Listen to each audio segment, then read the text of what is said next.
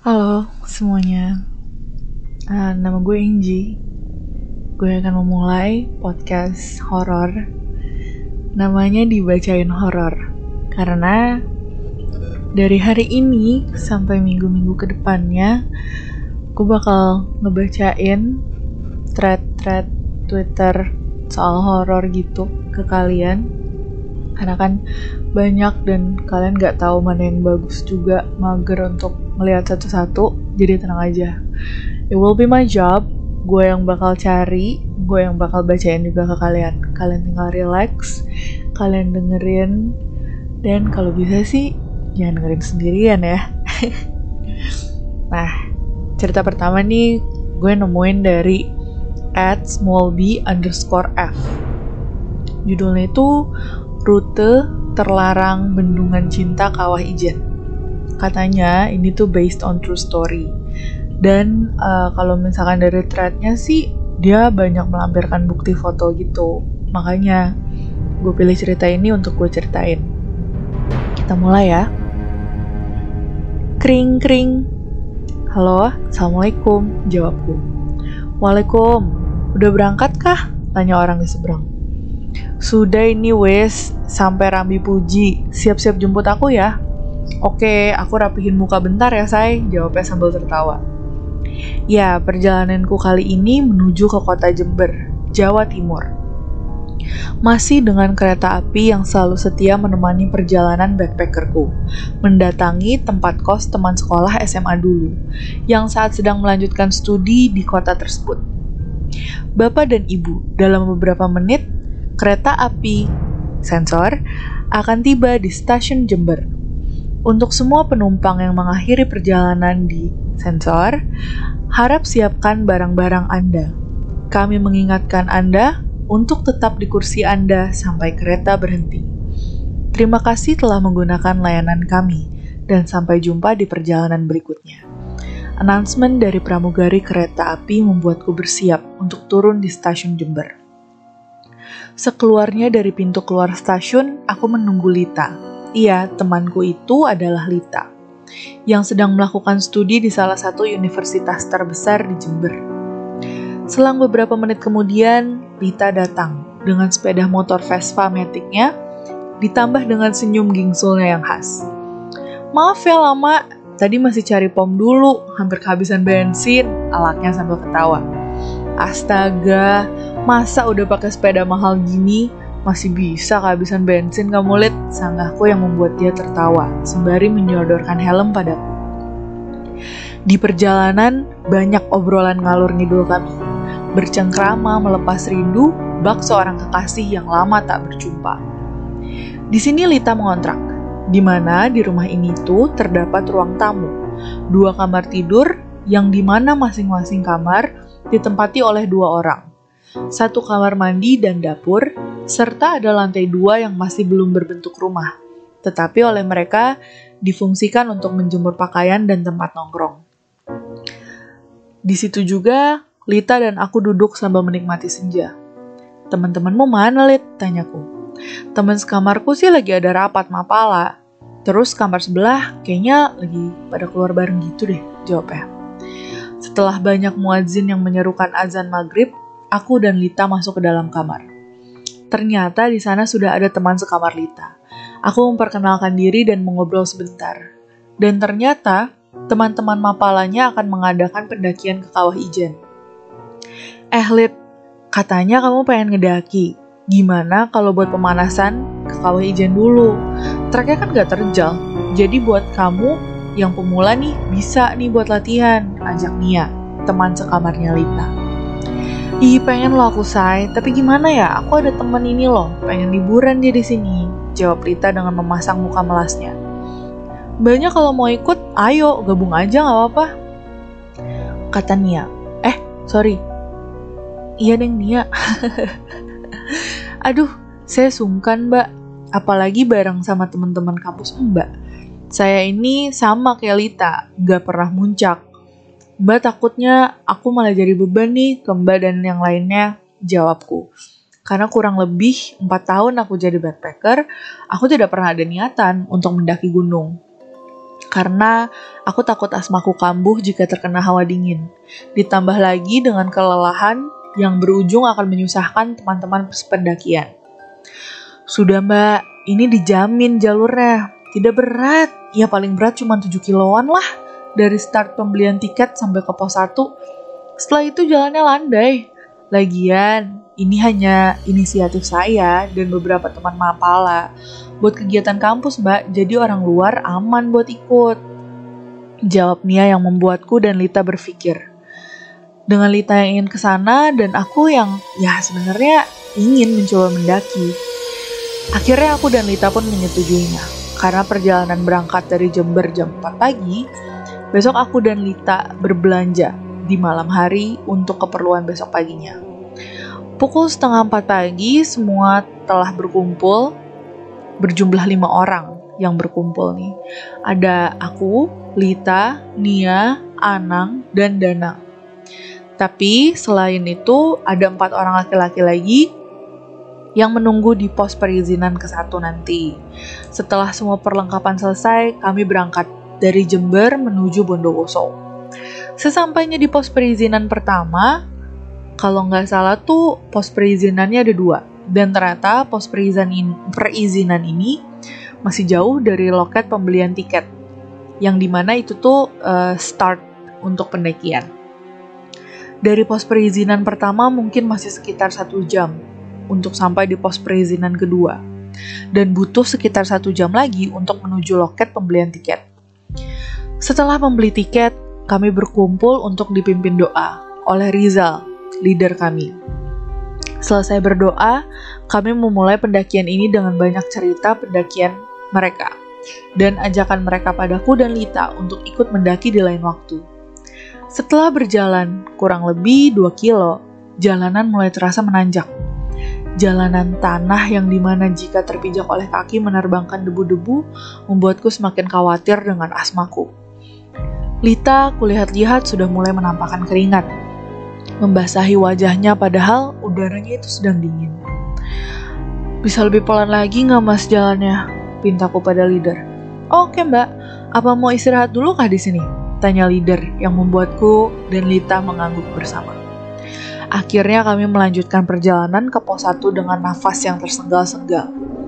Dan ada drama ingin kembali.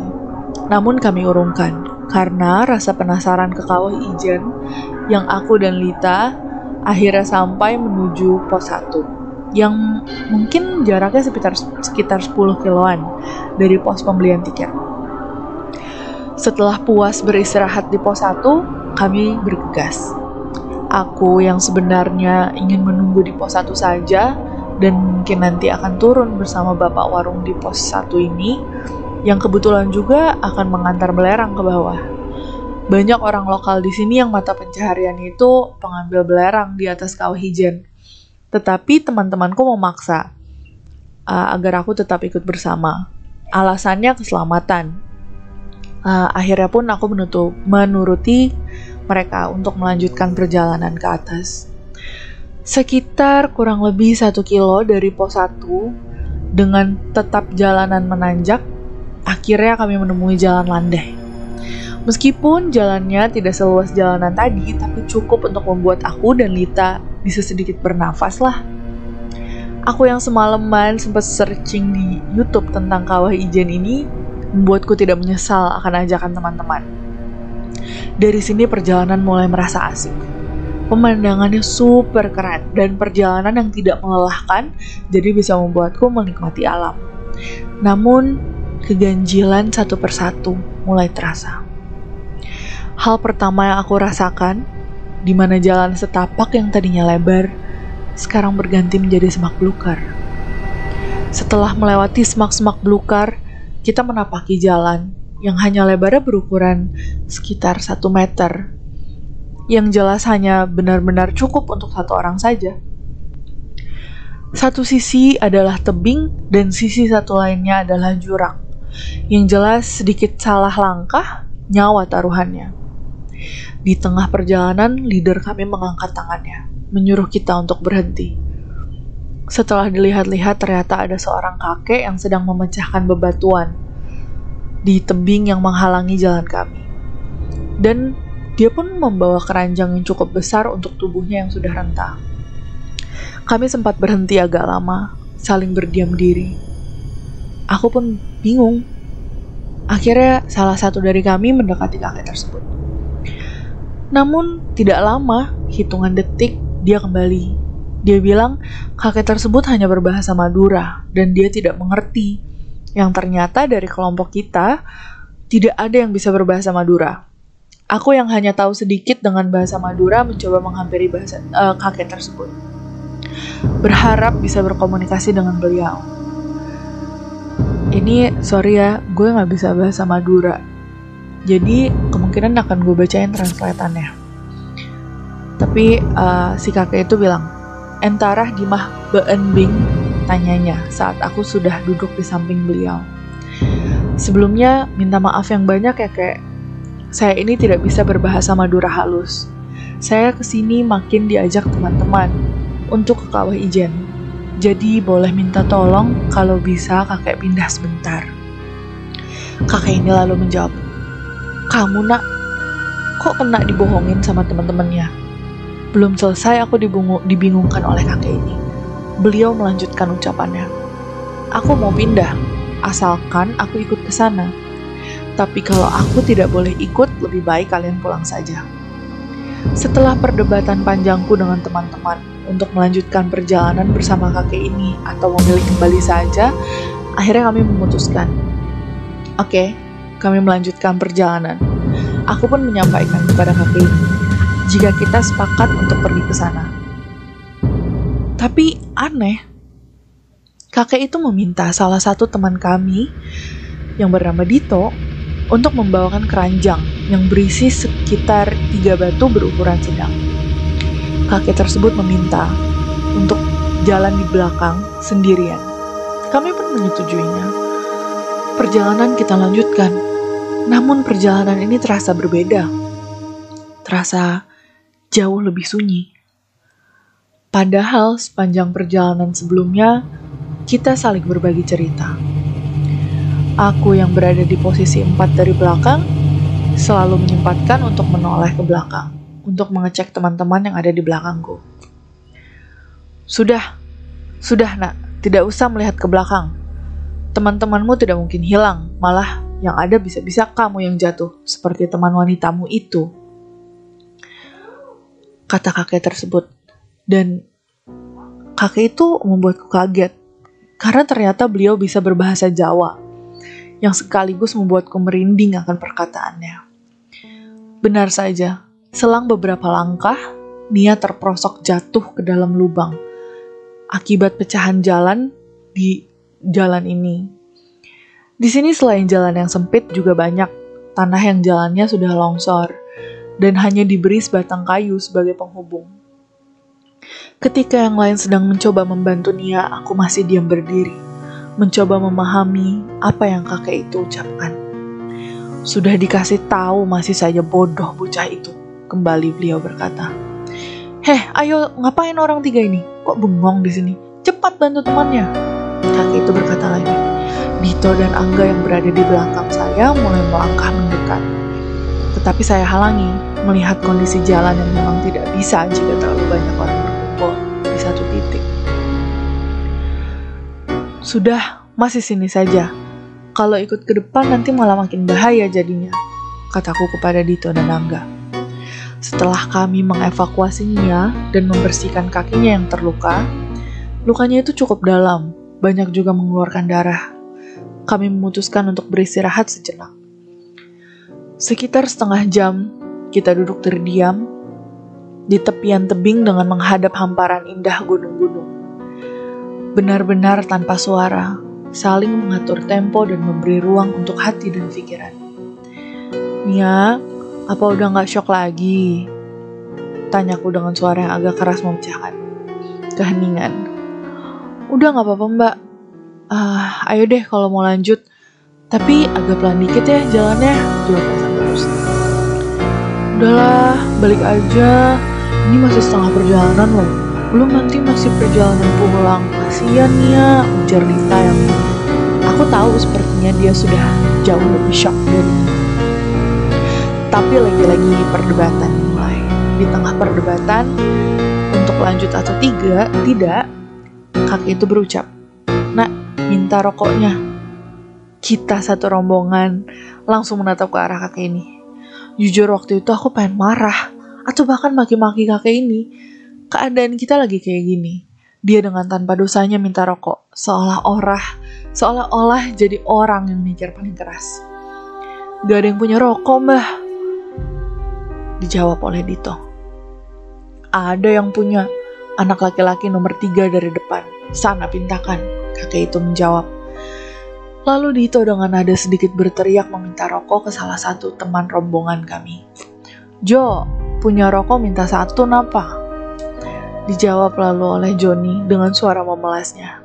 Ya Allah, kamu ini toh tahu aja orang nyimpan rokok satu-satunya. Gak ada lagi loh. Mau aku buat ngerokok di bawah sana nanti.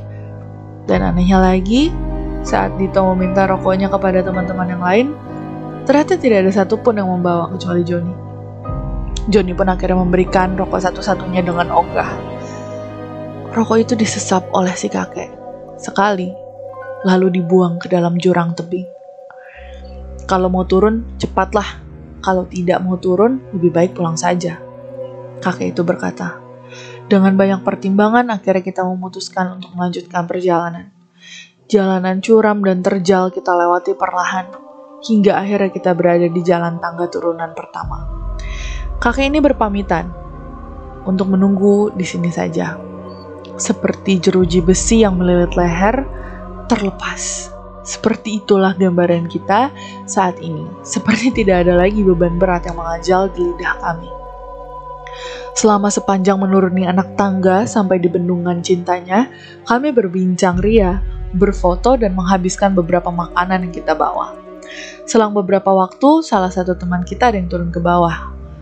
Beliau mengambil sampah yang jatuh di atas kawah karena tertiup angin.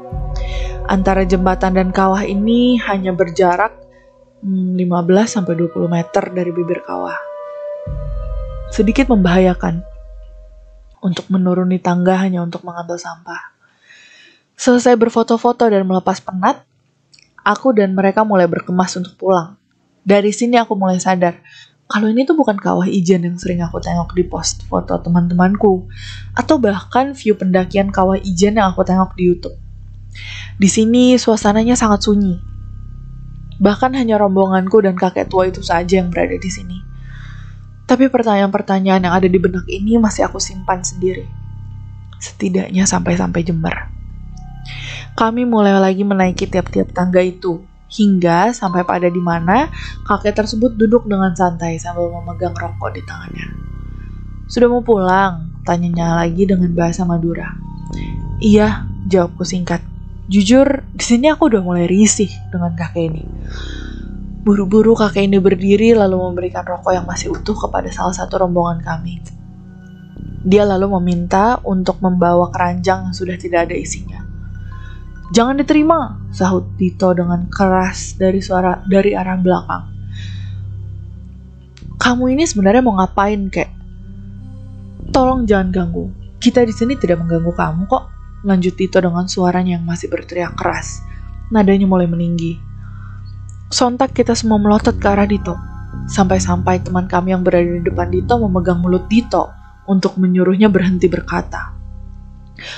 Oh, sudah-sudah kayak biar saya aja yang bawain sanggahku dengan keadaan agar keadaan dan suasananya tak semakin kacau. Dia memberikan keranjangnya padaku dan menaruh rokok ke dalam sakunya lagi. Hanya beberapa langkah dari menaiki anak tangga ini, aku merasa berat sekali keranjang yang aku bawa. Isinya seperti penuh. Agak pelan jalannya, teriakku agar terdengar ke depan. Tapi tunggu, keranjang ini kosong. Kenapa bisa seberat ini? Dari situ aku sadar kenapa sepanjang perjalanan Dito selalu meminta untuk berjalan lebih pelan kepada kita. Jujur, waktu itu rasanya pengen nangis. Satu-satunya pikiranku yang ada di kepala cuman apa aku dan mereka bisa pulang sampai rumah. Perjalanan terus berlanjut. Di tengah perjalanan kakek itu mengomel lagi. Harusnya jadi anak perempuan itu diam di rumah, bukan jalan-jalan, tidak tahu malu. Seperti ini. Sudah pasti kakimu itu patah kalau kamu jadi anak perempuannya orang dulu. Mau dibawa ke tempat seperti ini, apa kalian senang? Nikmati hidup itu ya dengan berbakti dengan orang tua. Cukupkan hidup orang tua kalian biar hidup kalian tentram. Bukan malah ikut main ke sini, gak ada manfaatnya. Yang ada malah merusak tatanan. Membahagiakan hidup dengan cara seperti ini tidak sebanding di, jika kamu-kamu semua melihat orang tuamu hidup sejahtera. Banyak sekali wejangan kakek itu sepanjang perjalanan. Kami seperti diceramahi oleh orang tua kami sendiri. Tetapi anehnya, setiap kali kita bertanya, dia tidak pernah menjawab. Mulai dari siapa namanya, rumahnya di mana, apakah beliau mempunyai anak atau cucu, tapi tidak ada satupun yang dijawab. Dia menepuk pundakku, lalu dia berkata, "Eh, nak, berhenti di sini. Taruh di sini keranjangku." Loh, kakek nggak ikut turun? Tanyaku. Tidak, aku di sini saja. Nanti saya turun sendiri. Kamu kalau nanti udah pulang, tanya kepada teman-temanmu semua. Tanya apa mbah? Tanyaku heran. Udah sana pulang, takut kemalaman sampaimu. Oh iya mbah. Aku buru-buru menyusul teman-temanku yang diikuti dengan leader. Mengangkat tangannya untuk menyuruh kami berhenti. Sekarang, jangan berpikir, bicara, atau bercerita yang aneh-aneh Fokuskan pikiran pulang. Pokoknya kita harus sampai Jember. Nanti kita langsung ke kontrakan anak-anak cewek. Perintah leader kami yang bernama Mas Fuad. Kami pun menyetujui.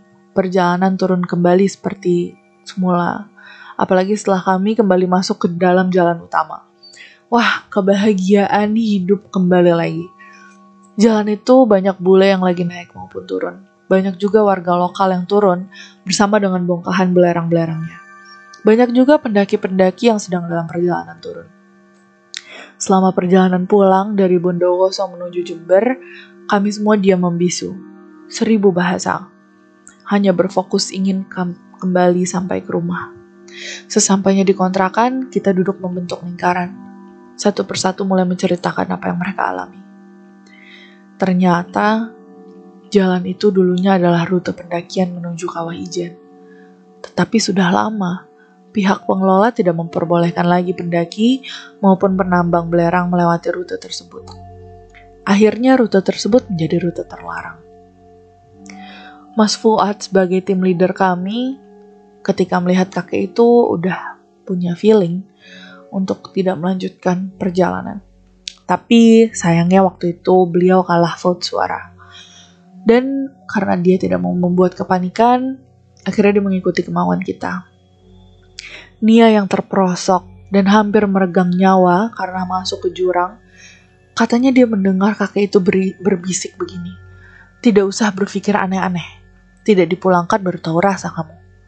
Nia memang sempat berpikir hal-hal negatif waktu itu. Dan Nia merasa kakek itu menyampaikannya seperti berbisik tepat di telinganya. Sontak waktu itu Nia kaget dan malah terperosok. Padahal jarak antara kakek itu dan Nia ada selisih tujuh orang. Dito bercerita, jika keranjang yang dibawanya terasa sepuluh kali lebih berat dari batu yang terlihat, dan ini sama persis dengan yang saya rasakan. Padahal waktu pulang, keranjang yang saya bawa itu udah kosong, tapi rasanya berat sekali.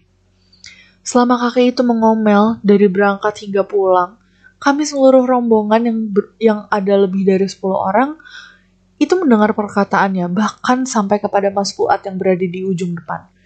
Padahal aku yang di belakang mendengar suara kakek ini kecil. Tapi ternyata semakin ke depan telinga rekan-rekan saya suara kakek ini tuh semakin keras dan jelas. Dan kata Mas Fuad dengan beberapa teman saat Mas Fuad memberhentikan kita untuk memberi arahan, mereka melihat kakek itu terjun bebas menjatuhkan diri ke dalam jurang. Salah satu teman kami melihat bungkus plastik yang tertiup angin. Awalnya dia ingin masa bodoh, tapi tanpa sengaja ia melihat ke arah si kakek, yang ternyata matanya merah dan melotot, sembari menunjuk ke arah sampah itu. Akhirnya dia buru-buru mengambil sampah itu. Selesainya bercerita, kami panjatkan doa kepada beliau-beliau di sana. tamat ceritanya. Nah, kalau di thread aslinya nih, ada bahkan nyampe video di mana Mbak Nia itu terjatuh itu ada. Dan foto-foto uh, dari tangga pertama sampai kawah ijennya tuh ada. Mungkin nanti bisa aku lampirin di sini. Linknya bisa dilihat aja. Sebenarnya banyak banget kan, kayak cerita-cerita pendakian itu banyak banget ceritanya. Dan pasti uh, cerita itu mengenai hal-hal seperti ini. Di mana kalau naik gunung itu nggak boleh sembarangan bicaranya, nggak boleh berpikir sembarangan, nggak boleh meninggalkan sampah. Jadi ya menurutku sih di mana pun kita harus tetap jaga sikap. Harus tetap jaga bicara dan jaga pikiran. Paling itu untuk uh, podcast pertama ini. Sorry kalau misalkan masih banyak kayak belibetnya, salah baca atau mungkin cara penyampaian yang kurang. Um, I'll do better next time. Kita ketemu lagi uh, sebisa mungkin setiap malam Jumat biar kayak seremnya kerasa gak sih? Tapi ya untuk kalian yang nggak berani dengerin malam Jumat bisa di save aja dulu ya nggak? Mungkin bisa ngedengerin lagi di malam-malam lain. Mungkin malam minggu who knows? Ya udah itu aja. Terima kasih sudah uh, mendengarkan. See you in another episode